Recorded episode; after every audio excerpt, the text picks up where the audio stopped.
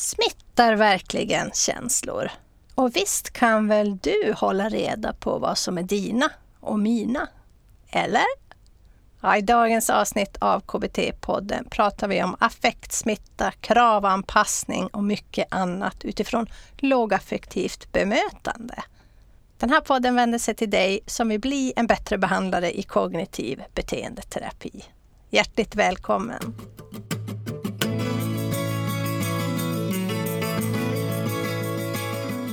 Ja, välkommen till KBT-poddens avsnitt 256 med mig, Lena Olsson Lalor.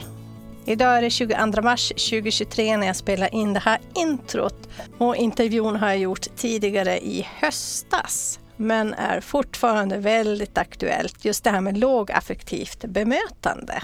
Behöver jag vara lågaffektiv och varför i så fall? Förra avsnittet gick vi igenom principerna och idag kommer vi att titta på några av de grundstenar som finns som vi behöver ha med oss för att kunna vara lågaffektivt i vårt bemötande. Speciellt vid utmanande beteenden. Jeanette Johansson Årmark, hon har jobbat på golvet i över 30 år och har massa kompetens som hon delar med sig av i det här avsnittet. Hon har utbildat och handlett i lågaffektivt bemötande i många år och är också författare författare. Gå gärna in i poddbloggen för att se alla hennes böcker. I poddbloggen lägger jag också en spellista med tidigare avsnitt som du kan fördjupa dig i och gå vidare i din inlärning. Förra avsnittet finns ju också där förstås. Bli ambattrebehandlare.se 256. Där kan du hitta informationen vad gäller dagens avsnitt.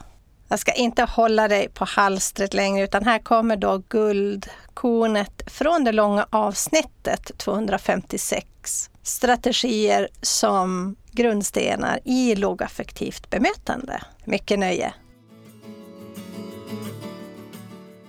Mm. Så avledningar är ju ett väldigt, väldigt effektivt verktyg vi använder oss utav och det, där kan man ju avleda på hur många olika sätt som helst. Vi kan ju liksom avleda med, med positiva affekter, till exempel humor är väldigt effektivt men då behöver vi säkerställa att personen faktiskt förstår humor. Mm. Så, så att det inte blir, ja. blir, blir tvärtom. Men vi kan ju också rent konkret börja prata om saker som personen är intresserad utav eller försöka liksom på olika vis att få personen att tänka på någonting annat, för det är just det avledningarna handlar om. Mm. Att de ska släppa den här tanken som stressar för att börja tänka på någonting annat. Mm. Sen är det ju så också att ibland så avleder vi alltså med mat och dryck.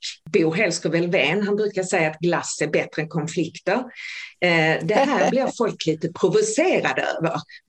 Ska vi nu belöna dem när de gör någonting som är dåligt? Mm. Och det handlar inte om någon belöning. Jag brukar säga att en kopp kaffe är bättre än konflikter. För det handlar mm. om, vi vet ju när vi äter och dricker och sväljer och kanske tuggar så frigörs det lugnande hormoner i kroppen därför att kroppen ska ägna sig åt att smälta maten. Mm. Så det är att jobba i, i medstånd, alltså jobba med kroppens egna system. Mm. Det är därför vi gärna avleder med mat och dryck. Mm.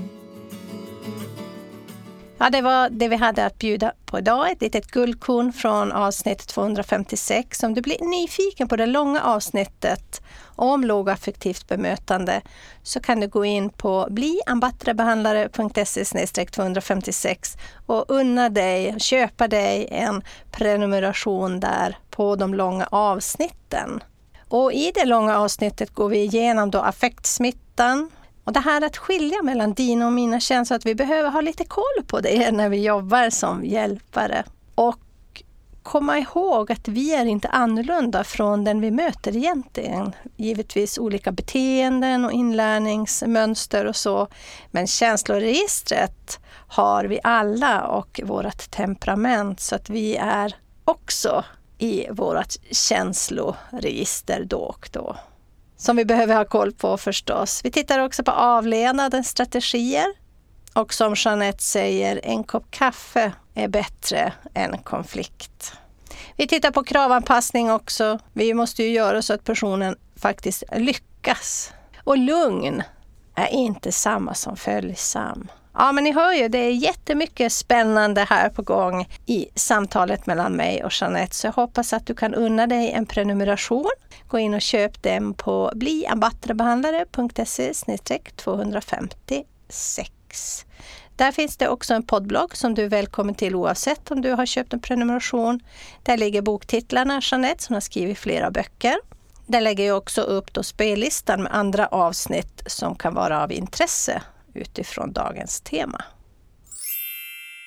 Ja, nu när vi har pratat om eh, principer, grundstenar, affektsmittor, kravanpassning och att vi behöver också lära oss att reglera våra känslor, så kanske det är dags att prata om utmanande beteenden. Vad det är och vem som bestämmer om det är ett utmanande beteende eller inte. Det handlar nästa avsnitt om. Vill du ha fler guldkorn, filmklipp och annat smått och gott kan du förstås följa oss på Instagram, bli en bättre behandlare eller på fejan. Ja, men jag hoppas att vi ses då nästa gång.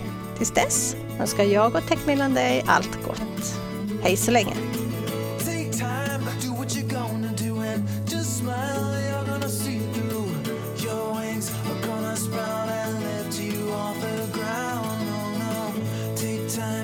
what you're gonna do. Just smile, you're gonna see corner sprawl and you will learn to fly.